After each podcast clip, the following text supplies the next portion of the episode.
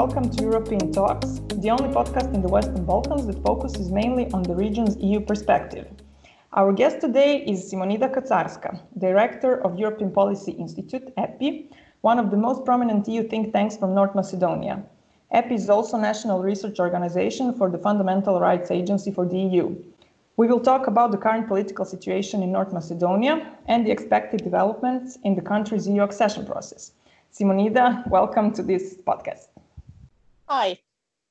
Simonida is practically, she feels like at home because EPI and CEP work together on many, many uh, different projects and initiatives as uh, as part of the Think for Europe network. So uh, in a way, we are uh, we, we feel like at home both, I think. Uh, let's start first with the political developments in North Macedonia. So uh, the general elections have been held uh, recently. Uh, there are now, I guess, talks about the formation of the coalition government. What are the current stakes uh, in that respect? Thanks, Anna, and thanks for the invite. You're very right to know that I do feel uh, at home we uh, had elections in North uh, Macedonia in the first half of July, and uh, yesterday, on the 4th of August, the first constitutive session of uh, the assembly was held. Mm-hmm. We expect a formation of the government by the end of August. The results of the elections were pretty tight as expected. Mm-hmm. The um, difference between the two main parties in the Macedonian uh, bloc uh, is just uh, two MPs, uh, which means that the results were really close. The coalition of uh, the formerly ruling uh, government party SDSM won mm-hmm. with in a coalition with an Albanian partner, BESA. Mm-hmm. Uh, and as I mentioned before, they have a lead of uh, two members of uh, parliament. Now mm-hmm. they have the formidable task ahead of them to form a uh, majority of uh, the members of parliament, which means 61 out of 120 uh, MPs, which take have with which constitutes the number of members of parliament in the Macedonian Assembly.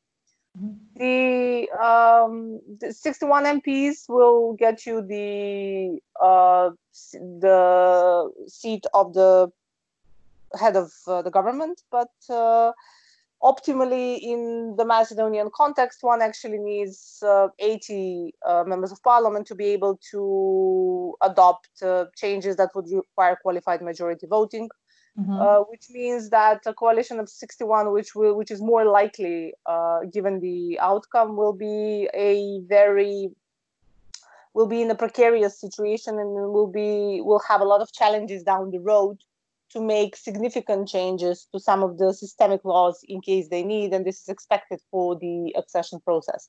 Mm-hmm. Uh, long story short, uh, the political battles, uh, whoever uh, forms the government ahead, will be difficult because they will have a strong opposition. It's unlikely that both uh, biggest parties, VMRO and SDSM, uh, will end up will end up together in parliament, which means mm-hmm. that there will be a uh, strong opposition down the road. Mm-hmm. Uh, at the same time, the country um, expects uh, the adoption of the negotiating framework with uh, mm-hmm. the European uh, Union, which we've been expecting for more than a decade now. Yes. Uh, we, as uh, the framework was proposed by the Commission in early July, and we expect it to be adopted in September or October. If mm-hmm. this is the case, then it's very it's mm, highly important to have actually a functioning political government in place that can take these European accession processes forward with the required legitimacy down the road. Mm-hmm. And to what extent was uh, were the topics related to Macedonia's integration present uh, during the the general campaign in the political parties' campaigns? The topic of European integration is always present um, in the background of mm-hmm. the political campaigning, but these were very specific elections uh, mm-hmm. due to the COVID 19 crisis. Mm-hmm. The and the economic uh, hardships that are inevitably uh, to follow. Uh, a lot of the political campaigning was based on um, which on the uh, plans that the political parties have for economic recovery. Mm-hmm, the mm-hmm. European uh, integration, as such, is often very difficult to phrase or to actually be used in the political uh, campaigning beyond the symbolic significance of some of the major changes that uh, the country underwent in the last uh, couple of years, such as the name change. There was a lot of discussion as to the name change as a, a quote unquote sacrifice for European integration. It is um, very clear that the uh, failure to start the accession negotiations or to get a decision last October affected was an element uh, of uh, of the discussion Mm-hmm. But I would say that more bread and butter issues uh, dominated the, the, the political uh, debates in the country. And all relevant parties are, uh, in a way, um, Euro-optimistic. There was no any re- reason Euroscepticism among some of them. There's a consensus, political consensus, that the EU is the way to go in North Macedonia. The this is a very I think that everyone in the Balkans, including in North Macedonia, having been in a waiting room for a decade now, is uh, in a sort of a, strange position when it comes to the to the European accession. Uh, the public in North Macedonia is overwhelmingly uh, pro-European, given all of the hardships and given all of the um, conditions that were posed to the country we mm-hmm. still have a large support of the public, around 60, 70 percent, that mm-hmm. favors uh, accession and favors membership. However, on the other hand, there have been times when the trust in the European Union has oscillated. There have been mm-hmm. times in, in the past, uh, around the before the political crisis of 2016, around 2011, when the public was more distrustful of the European Union than there was than the portion of the public that actually trusted it.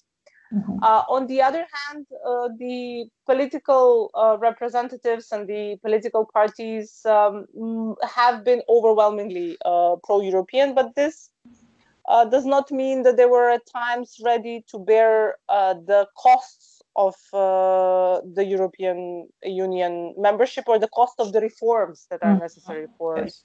accession. So, uh, the I think that the actual beyond the declarative support uh, for European accession, I think that the actual test as to their uh, pro-Europeanness or however we want to call it will come at times when they need to make difficult uh, decisions regarding the rule of law, difficult decisions mm-hmm. regarding uh, reforms, let's say in the environment sector, difficult decisions that will come in terms of reforms in um, in parts of the economy and I think that this is yet to be seen. At this point, uh, we are still, although a country that is fairly well uh, aligned with the European legislation, mm-hmm. uh, we are still at uh, a point when it's not that it's politically feasible to also uh, be pro-European while at the same time maybe lagging behind some uh, some processes. Uh, however, uh, a notable uh, mm, um, change in these elections uh, is uh, the um, is the party Levica, the left, yes. in, mm-hmm. which is a party that actually um, has entered parliament for the first time with two members of parliament, and they have specifically request to revoke NATO membership. Mm-hmm. And uh, they are very critical of uh, the European Union as a uh, project. This mm-hmm. is uh, at uh, this is uh, a we'll see how much is this a trend or an exception. Mm-hmm. But it is a notable development of the last elections. Mm-hmm. Mm-hmm. That's that's good to know.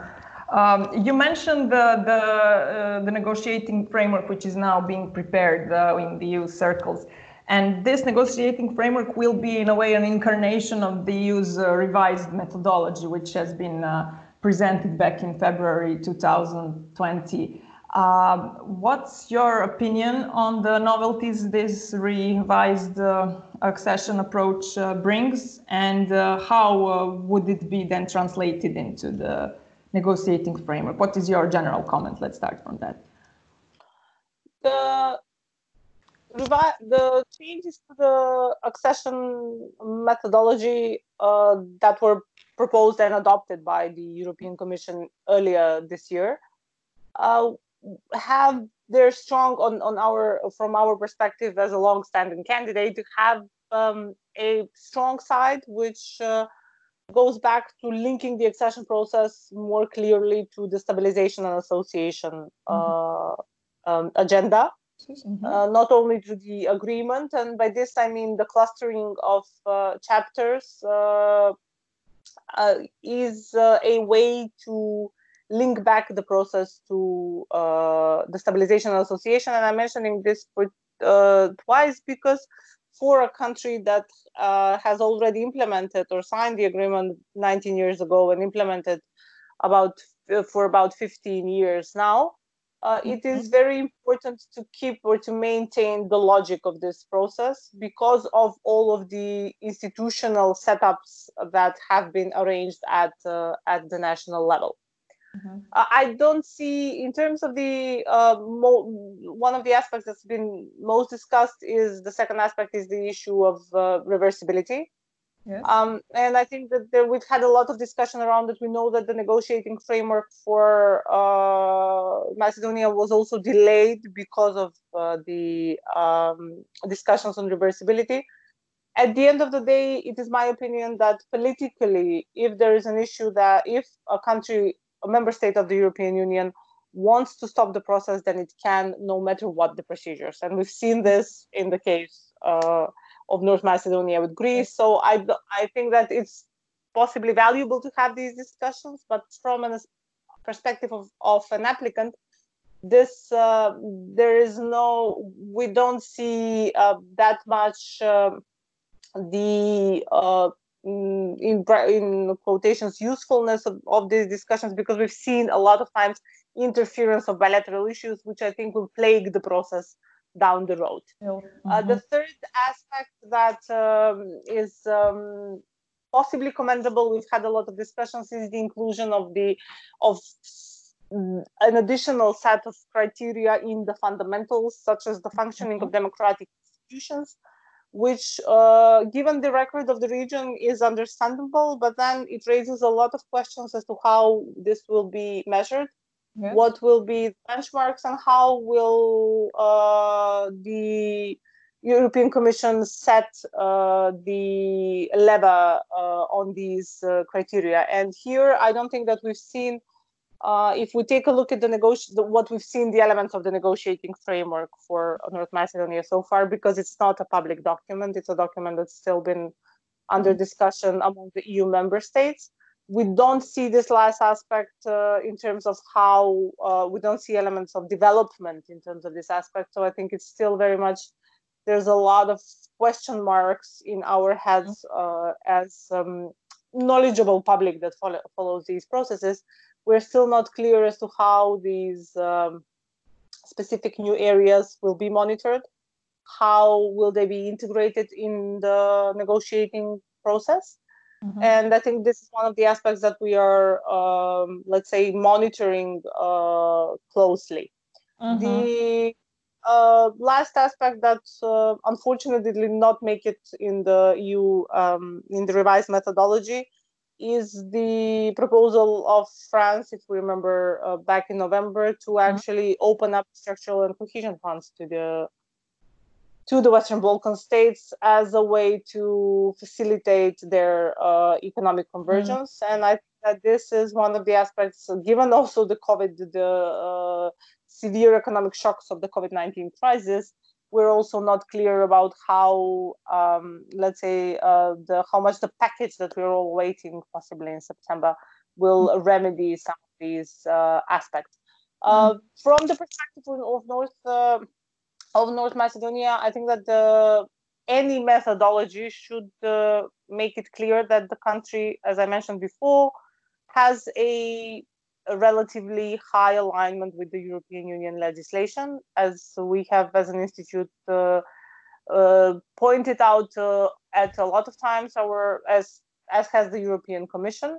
And I think the challenge of the upcoming framework and the pro- process will be actually to reflect this alignment to recognize it, but mm-hmm. also to use this possibly to push the country through the accession uh, through the accession negotiations processes more effectively, possibly more mm-hmm. efficiently, maybe.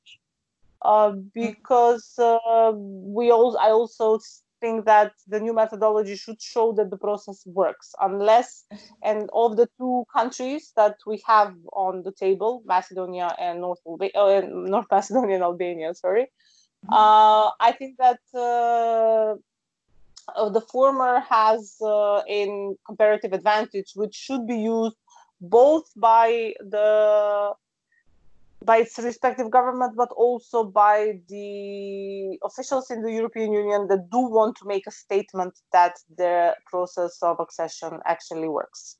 Mm, yeah, that's a very good uh, point uh, raised and hopefully the economic and investment package, which is also announced for September, would, uh, in to some extent, uh, um, uh, the, the, replace or let's say fill in the void which has been uh, left by the fact that we will not be part of EU cohesion funds. Although, of course, the funding will be significantly less. Um, uh, uh, Simonida, uh, is there anything that we haven't mentioned in this topic that you would like to raise as well? Well, I think that one of the risks that we see with the, the new uh, methodology mm-hmm. is essentially uh, creating groups in uh, in the EU accession process and groups that would of countries that would uh, in effect negotiate under different uh, criteria we're still not clear and i think that we've had a statement of montenegro that they would like to join the new methodology as we've had one of the serbian uh, president as well. But i think that ultimately at the end of the day um, for the new methodology uh, and for the eu accession process it would help if um, all of the countries of the region would see this as a as a process under equal terms, mm-hmm. and this would uh, facilitate uh, what uh, somehow we've been um, lacking to see in comparison to the previous enlargement, and that is a form of a positive competition uh, between the countries and facilitate the process of learning. Because I think that I think that uh, in order to have this process successful, it will be essential to see that all countries are also uh, moving forward. The region is very much um, intertwined, and some may move at different paces, but I think that uh, ultimately it will be very difficult for any of these countries to join the European Union and their neighbors to be in a very dire state. So I think that it's very, I think that we've learned at this point that. Um, uh, also the region needs to be um, needs to consolidate uh, itself and to mm-hmm. facilitate cooperation, but also to positive uh, competition between the countries. Mm-hmm. And often we neglect or forget uh, to mention uh, Bosnia and Herzegovina and Kosovo, which again are all, uh, already in a very, very different stage of EU accession process compared to the four other countries, and um, and is barely any discussion on how to make the status quo changed in the foreseeable future. Um, so, in a way, uh, you do think the merit-based approach, in which all country progresses and according to its own merits, is a good way. But still, we need to observe the region as a, as an entirety, as a compact uh, um, uh, in its entirety, and in that sense, uh, there should be, a, in a way, a balance between between the two requirements to make the yeah. process. Mm-hmm. I don't see the letter as a requirement uh, per se that the European Union should uh, should put forward, but I see it mm-hmm. as a reality check because uh, of the size of the region, uh, the interconnectedness of uh, of the region and i think that it will be a much uh, simpler or a much smoother ride uh, to uh, the union given all of these hurdles if there is a, a reasonably uh, well developed neighborhood as well in uh, in comparison to the conditions in which one country uh, moves uh, forward. We've seen this in the case of, let's say, Croatia, but mm-hmm. we also have to under. I, in my opinion, none of the countries in the region have such strong backing from some of the EU member states as uh, Croatia did, neither interest in terms of um, uh, the region's membership. So I think that in order to make our case before uh, the European Union member states, it would be way easier for all of us if it's built on a um, policy of stabilizing one's own country, but also acting as a stabilizing anchor in uh, the region. Mm-hmm. Yes, so this initiative should rather come from our countries themselves than to wait yes. for EU to instigate that. Yes. Okay, that's also, I think, a very interesting point from which we can uh, reflect on in uh, the next months. Let's wait and see what uh, the autumn uh, holds. Uh, Simonida, thank you very much for this uh, conversation. Thank you as well.